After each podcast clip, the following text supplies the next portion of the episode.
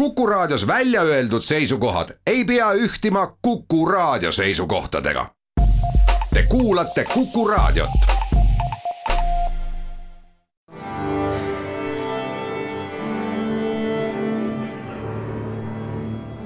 daamid ja härrad, Eesti Kontserdi saade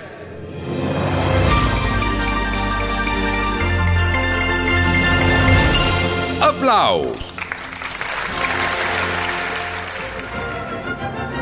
Tere kõigile, aplaus on eetris, mina olen Lauri Aav ja nüüd on siis asjaolud sellised, et peale kolmekuist pausi jätkab Eesti Kontsert juunis taas kontsertidega. luba on antud, muusikaelu välja ei sure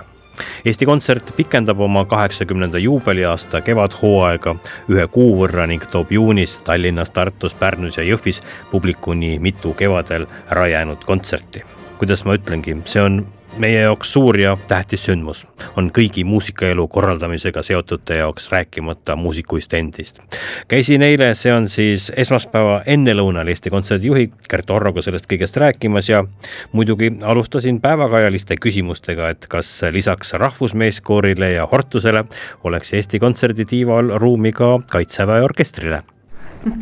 väga asjakohane küsimus tõepoolest pärast eilseid uudiseid, kus äh, kaitsejõudude peastaap teatas, et äh, kaitseväe orkester koondatakse ära. kultuurimaastikul äh, olevad inimesed sellisest otsusest muidugi aru ei saa, sellepärast et äh, teatavasti mängivad kaitseväe orkestris tipp-professionaalsed muusikud keda on ju ka Muusikaakadeemias selleks koolitatud ja kui ähm, kaitseväge võetakse edaspidi pelgalt kui lihtsalt sellist sõjalist inimressurssi, andmata aru, et äh, ka seal on vaja inimestel inimeseks jääda, mida ju võimaldab äh, kultuur siis on see tõeliselt kahetsusväärne, ma loodan, et äh, siiski see otsus vaadatakse veel kord äh, üle, kuna praegu tundub küll, et tegemist on täiesti läbimõtlemata otsusega, lihtsalt äh, jalalt niitmisega ja ja ma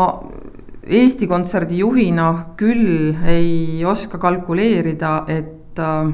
sellise koondamisega me saaksime märkimisväärselt siis kaitseressurssi juurde ma küsin seda sellepärast tegelikult, et kui palju sa mm, üldse oma kohtumistel erinevate teiste eluvaldkondade juhtide, ametnikega äh, puutud kokku sellega, et äh, inimesed üldse ei saa aru, mida tähendab äh, muusikavaldkond. miks see nii kallis on, miks seda üldse vaja on? Mm, õnneks ikkagi tihti saavad aru, sellepärast et reeglina äh,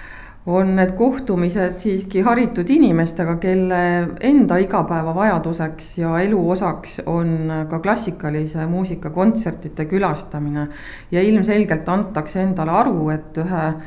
kultuurrahva ja riigi äh, funktsioneerimise hulka käib kindlasti ka hoolitsemine ja hoolimine kultuuri eest just nimelt selle eesmärgiga. et me suudaksime kõik inimeseks jääda ja et, et inimesi ei võetaks vaid pelgalt kui sellist funktsionaalset ühikut. vaid et meil siiski oleks võimalik äh, olla loov, hooliv ja hingeline ja et me oleksime võimelised mõtlema ja et äh, meil oleks selline kultuurne ühiskond, kus me kõik ennast tunneksime hästi kontserdielu on olnud nüüd pausil alates märtsi keskpaigast ja nüüd hakkab avanema uuesti, aga kogu see periood vahepeal, kui ma olen rääkinud ükskõik kellega Eesti Kontserdist, äh, oma töökaaslastega, kõigil on kiire, kõigil on käed-jalad tegemist täis, millega siis Eesti Kontsert on nüüd vahepealse aja tegelenud? Mhm, see on tõesti väga paradoksaalne, et justkui väljundit ei ole ja, ja võib-olla kõrvaltvaatajale jääb tunne, et midagi ei toimu aga tegelikult äh, töökoormus äh, väga suurel osal Eesti Kontserdi töötajatest on lausa kahekordistanud. sellepärast, et tavapärasele olukorrale, kus tehti plaan A ja pandi see töösse, teeme me täna ka plaan B ja plaan C. ja siis teise käega hakkame nende plaanide tühistamisega peale, et me lõime kokku alates jaanuarikuust on Eesti Kontsert pidanud ära jätma üheksakümmend kontserti kõik need üheksakümmend kontserti ju on olnud valmis tehtud, valmis mõeldud, lepingud sõlmitud, et seal taga on väga-väga suur töö. ja et neid nüüd tühistada, siis on väga õnnetud eeskätt muidugi nii interpreedid, kes pidid lavale astuma, kui mõistagi ka publik, kui ka Eesti kontsertkorraldajana ise. ehk et kõik liigutused on, on kas dubleeritud või lausa kolmekordseks tehtud ja, ja sellega see koormus ka kasvanud ja tõesti, inimesed on sellest väga väsinud, et et seda väljundit ei tule, et, et sa töötad justkui väga palju suurema koormusega, aga, aga see oleks nagu tühi töö no muusikavaldkond ja teatrid äh, kaasa arvatud on nüüd selles kriisis, mulle kõrvaltvaatajana tundub, et, et seljad päris tugevalt kokku pannud, et kogu valdkonna eest tõsiselt äh, seista, Eesti Kontsert sealhulgas. ja selle üle on küll äärmiselt hea meel, et äh, enam ei tehta valdkonnas vahet või ei vastanduta selle põhjal, et millise muusikažanri esindajana keegi muusikamaastikul toimetab, et kas sa siis tegeled klassikalise muusika, džässiga või sa teed, viljeled klubimuusika kultuuri, kõik on saanud aru, et äh, see, see kogu see muusikamaastik ongi kultuuri üks lahutamatu osa ja üritatakse leida ikkagi lahendusi, kus on kõikide huvid kaitstud ja üksteist aidatakse ja toetatakse nii, kui vähegi suudetakse aga miks on siis ikkagi niimoodi, et kui tulevad piirangud, siis pannakse kinni meelelahutus ja kui taas avatakse, siis räägitakse kultuurist? Vot sellele küsimusele ei oska mina vastata, ma ei ole isegi enda jaoks seda suutnud välja mõelda, et miks see nii on, eriti olukorras, kus äh, professor Irja Lutsar on ka kultuurivaldkonna esindajatega kohtudes öelnud, et tõesti, kultuurivaldkond äh, Covid üheksateist viiruse leviku kontekstis äh, on pigem madala riskitasemega valdkond. saame ju sellest kõik aru, et äh, kultuurivaldkonda kinni pannes ei saavuta ka viiruse leviku tõkestamisel teab mis äh, efektiivseid tulemusi. ei oska vastata sulle, ei tea aga tegelikult ju olukord on ju praegu ju tugevalt positiivsuse suunas arenemas, et. ei peakski ütlema, et nüüd, kui ikkagi me avame oma uksed äh, külastajatele, et kutsume kõiki pileteid ostma, et olgu nad siis äh, vanuses kuusteist ja rohkem või, või kuusteist ja vähem, et äh, meil on küll plaanis kõiki oma kauni muusikaga vaktsineerida ja, ja olge kindlad. kõrvalnähte ei ole, läheb ainult paremaks tuleme siiski tagasi kõige värskemate juunikuiste kontsertide juurde. juunis jõuab viimaks ometi publiku ette selle kevade üks oodatumaid kontserte, mitmeid kordi edasi lükatud Sven Grünbergi Hingus kaks tuhat kakskümmend üks. ehk siis mitte kunagi kontserdilavale jõudnud plaadi Hingus, materjal, mis minugi kodus plaadiriiulit on alates tuhande üheksasaja kaheksakümne esimesest aastast ehtinud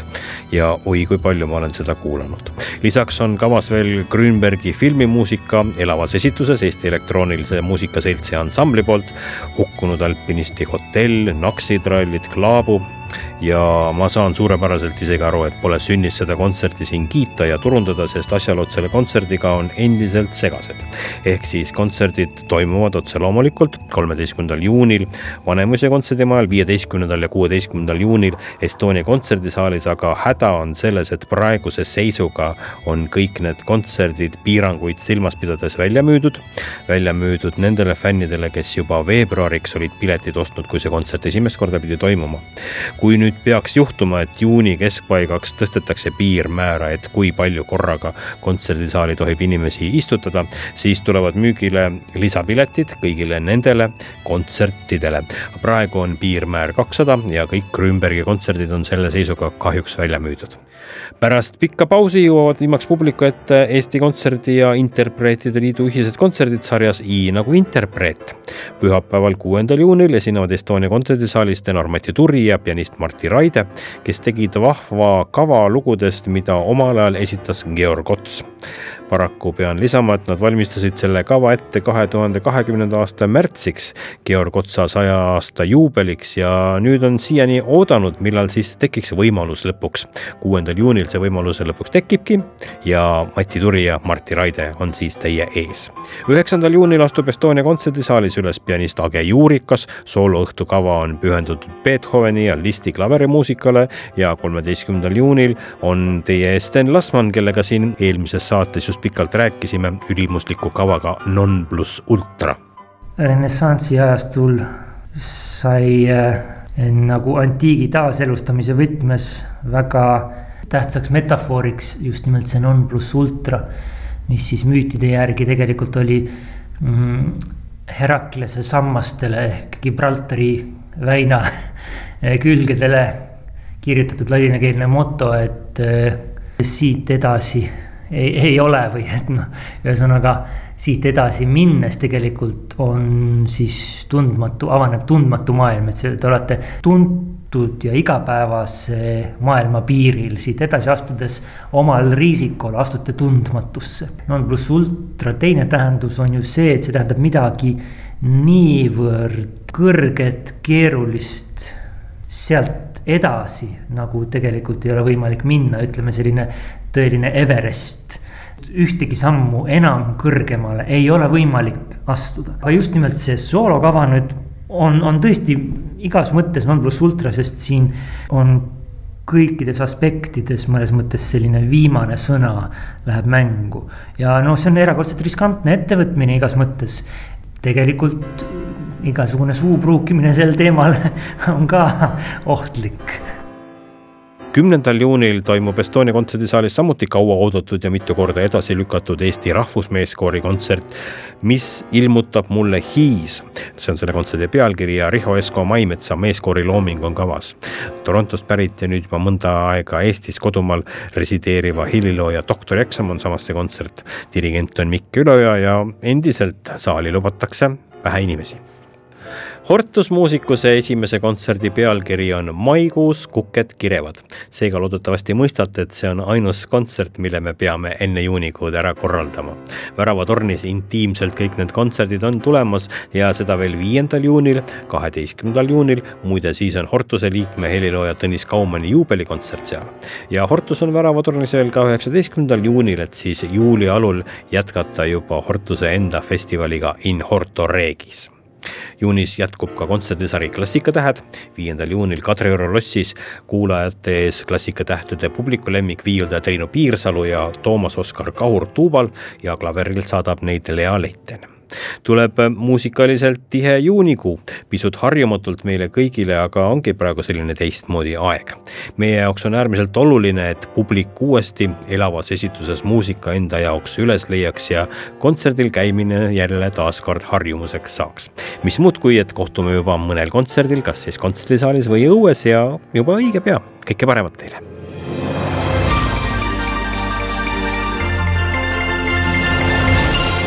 aplaus.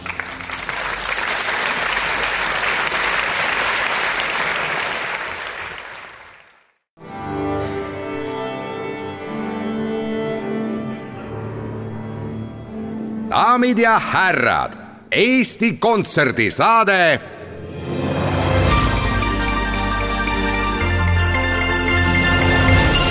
aplaus tere kõigile, aplaus on eetris, mina olen Lauri Aav ja nüüd on siis asjaolud sellised, et peale kolmekuist pausi jätkab Eesti Kontsert juunis taas kontsertidega. luba on antud, muusikaelu välja ei sure Eesti Kontsert pikendab oma kaheksakümnenda juubeliaasta kevadhooaega ühe kuu võrra ning toob juunis Tallinnas, Tartus, Pärnus ja Jõhvis publikuni mitu kevadel ära jäänud kontserti. kuidas ma ütlengi, see on meie jaoks suur ja tähtis sündmus on kõigi muusikaelu korraldamisega seotute jaoks, rääkimata muusikuist endist. käisin eile, see on siis esmaspäeva ennelõunal Eesti Kontserdi juhi Gert Orroga sellest kõigest rääkimas ja muidugi alustasin päevakajaliste küsimustega, et kas lisaks Rahvusmeeskoorile ja Hortusele oleks Eesti Kontserdi tiival ruumi ka Kaitseväe orkestrile väga asjakohane küsimus tõepoolest pärast eilseid uudiseid, kus äh, kaitsejõudude peastaap teatas, et äh, kaitseväe orkester koondatakse ära. kultuurimaastikul äh, olevad inimesed sellisest otsusest muidugi aru ei saa, sellepärast et äh, teatavasti mängivad kaitseväe orkestris tipp-professionaalsed muusikud keda on ju ka Muusikaakadeemias selleks koolitatud ja kui kaitseväge võetakse edaspidi pelgalt kui lihtsalt sellist sõjalist inimressurssi, andmata aru, et ka seal on vaja inimestel inimeseks jääda, mida ju võimaldab kultuur siis on see tõeliselt kahetsusväärne, ma loodan, et äh, siiski see otsus vaadatakse veel kord äh, üle, kuna praegu tundub küll, et tegemist on täiesti läbimõtlemata otsusega, lihtsalt äh, jalalt niitmisega ja ja ma Eesti Kontserdi juhina küll ei oska kalkuleerida, et sellise koondamisega me saaksime märkimisväärselt siis kaitseressurssi juurde ma küsin seda sellepärast tegelikult, et kui palju sa mm, üldse oma kohtumistel erinevate teiste eluvaldkondade juhtide, ametnikega äh, puutud kokku sellega, et äh, inimesed üldse ei saa aru, mida tähendab äh, muusikavaldkond. miks see nii kallis on, miks seda üldse vaja on? Mm, õnneks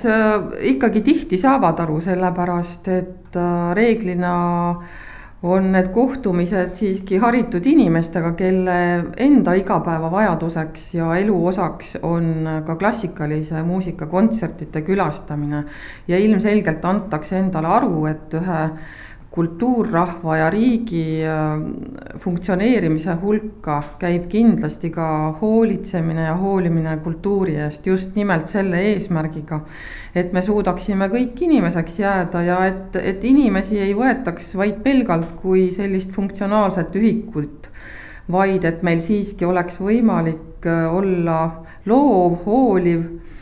ja hingeline ja et me oleksime võimelised mõtlema ja et äh, meil oleks selline kultuurne ühiskond, kus me kõik ennast tunneksime hästi kontserdielu on olnud nüüd pausil alates märtsi keskpaigast ja nüüd hakkab avanema uuesti, aga kogu see periood vahepeal, kui ma olen rääkinud ükskõik kellega Eesti Kontserdist, äh, oma töökaaslastega, kõigil on kiire, kõigil on käed-jalad tegemist täis, millega siis Eesti Kontsert on nüüd vahepealse aja tegelenud? Mhm. see on tõesti väga paradoksaalne, et justkui väljundit ei ole ja, ja võib-olla kõrvaltvaatajale jääb tunne, et midagi ei toimu aga tegelikult äh, töökoormus äh,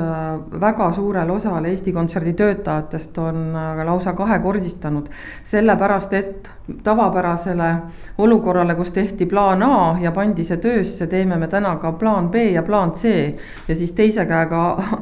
hakkame nende plaanide tühistamisega peale, et me lõime kokku alates jaanuarikuust on Eesti Kontsert pidanud ära jätma üheksakümmend kontserti kõik need üheksakümmend kontserti ju on olnud valmis tehtud, valmis mõeldud, lepingud sõlmitud, et seal taga on väga-väga suur töö ja et neid nüüd tühistada, siis on väga õnnetud eeskätt muidugi nii interpreedid, kes pidid lavale astuma, kui mõistagi ka publik, kui ka Eesti Kontsert korraldajana ise. ehk et kõik liigutused on, on kas dubleeritud või lausa kolmekordseks tehtud ja, ja sellega see koormus ka kasvanud ja tõesti, inimesed on sellest väga väsinud, et et seda väljundit ei tule, et, et sa töötad justkui väga palju suurema koormusega, aga, aga see oleks nagu tühi töö. No muusikavaldkond ja teatrid äh, kaasa arvatud on nüüd selles kriisis, mulle kõrvaltvaatajana tundub, et, et seljad päris tugevalt kokku pannud, et kogu valdkonna eest tõsiselt äh, seista, Eesti Kontsert sealhulgas ja selle üle on küll äärmiselt hea meel, et äh, enam ei tehta valdkonnas äh, vahet või ei vastanduta selle põhjal, et äh, millise muusikažanri esindajana keegi muusikamaastikul toimetab, et kas sa siis tegeled klassikalise muusika, džässiga või sa teed, viljeled klubimuusika kultuuri. kõik on saanud aru, et see see kogu see muusikamaastik ongi kultuuri üks lahutamatu osa ja üritatakse leida ikkagi lahendusi, kus on kõikide huvid kaitstud ja üksteist aidatakse ja toetatakse nii, kuis vähegi suudetakse. aga miks on siis ikkagi niimoodi, et kui tulevad piirangud, siis pannakse kinni meelelahutus ja kui taas avatakse, siis räägitakse kultuurist? Vot sellele küsimusele ei oska mina vastata, ma ei ole isegi enda jaoks seda suutnud välja mõelda, et miks see nii on, eriti olukorras, kus äh, professor Irja Lutsar on ka kultuurivaldkonna esindajatega kohtudes öelnud, et tõesti, kultuurivaldkond äh, Covid üheksateist viiruse leviku kontekstis äh, on pigem madala riskitasemega valdkond. saame ju sellest kõik aru, et äh, kultuurivaldkonda kinni pannes ei saavuta ka viiruse leviku tõkestamisel teab mis efektiivseid tulemusi, ei oska vastata sulle, ei tea aga tegelikult ju olukord on ju praegu ju tugevalt positiivsuse suunas arenemas, et. ei peakski ütlema, et nüüd, kui ikkagi me avame oma uksed äh, külastajatele, et kutsume kõiki pileteid ostma, et olgu nad siis äh, vanuses kuusteist ja rohkem või, või kuusteist ja vähem, et äh, meil on küll plaanis kõiki oma kauni muusikaga vaktsineerida ja, ja olge kindlad. kõrvalnähte ei ole, läheb ainult paremaks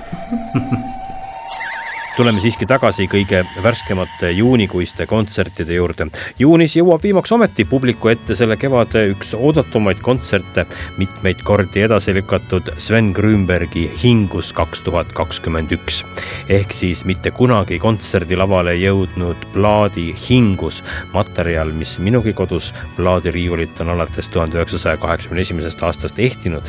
ja oi kui palju ma olen seda kuulanud. lisaks on kavas veel Grünbergi filmimuusika muusika elavas esituses Eesti Elektroonilise Muusika Seltsi ansambli poolt, hukkunud alpinisti hotell, Naksitrallid, Klaabu ja ma saan suurepäraselt isegi aru, et pole sünnis seda kontserti siin kiita ja turundada, sest asjaolud selle kontserdiga on endiselt segased. ehk siis kontserdid toimuvad otse loomulikult kolmeteistkümnendal juunil Vanemuise kontserdimajal, viieteistkümnendal ja kuueteistkümnendal juunil Estonia kontserdisaalis, aga häda on selles, et praeguse seisuga on kõik need kontserdid piiranguid silmas pidades välja müüdud. välja müüdud nendele fännidele, kes juba veebruariks olid piletid ostnud, kui see kontsert esimest korda pidi toimuma kui nüüd peaks juhtuma, et juuni keskpaigaks tõstetakse piirmäära, et kui palju korraga kontserdisaali tohib inimesi istutada, siis tulevad müügile lisapiletid kõigile nendele kontsertidele. praegu on piirmäär kakssada ja kõik Grünbergi kontserdid on selle seisuga kahjuks välja müüdud pärast pikka pausi jõuavad viimaks publiku ette Eesti Kontserdi ja Interpreetide Liidu ühised kontserdid sarjas I nagu interpreet. pühapäeval, kuuendal juunil esinevad Estonia kontserdisaalis tenor Mati Turi ja pianist Martti Raide, kes tegid vahva kava lugudest, mida omal ajal esitas Georg Ots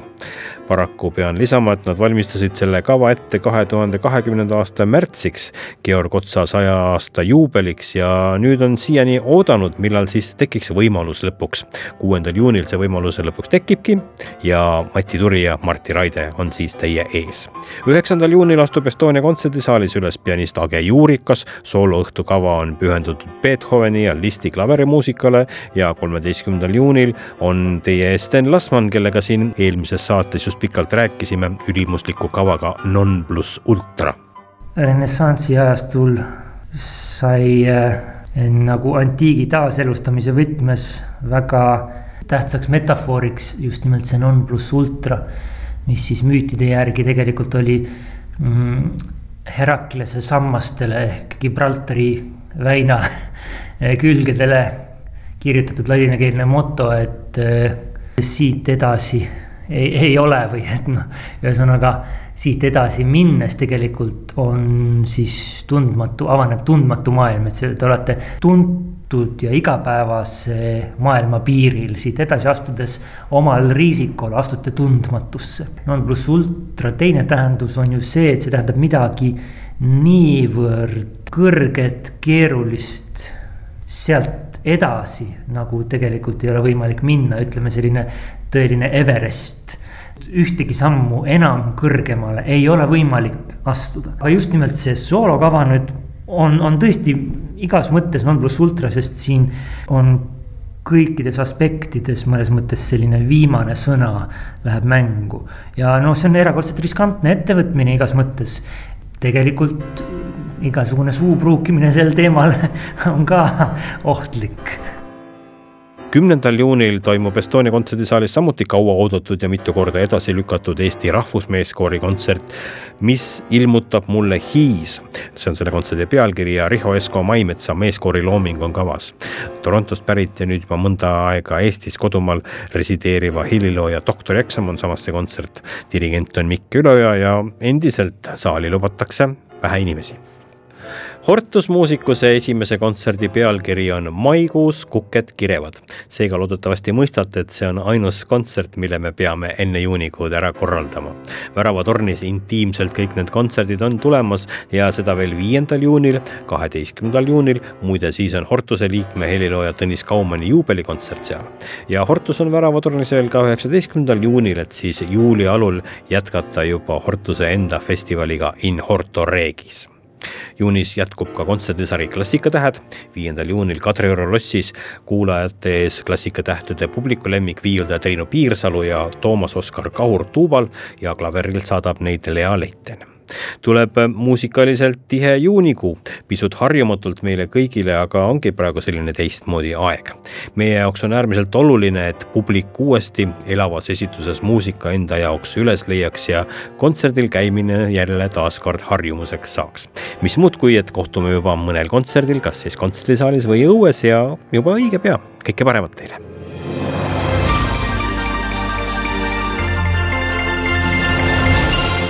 aplaus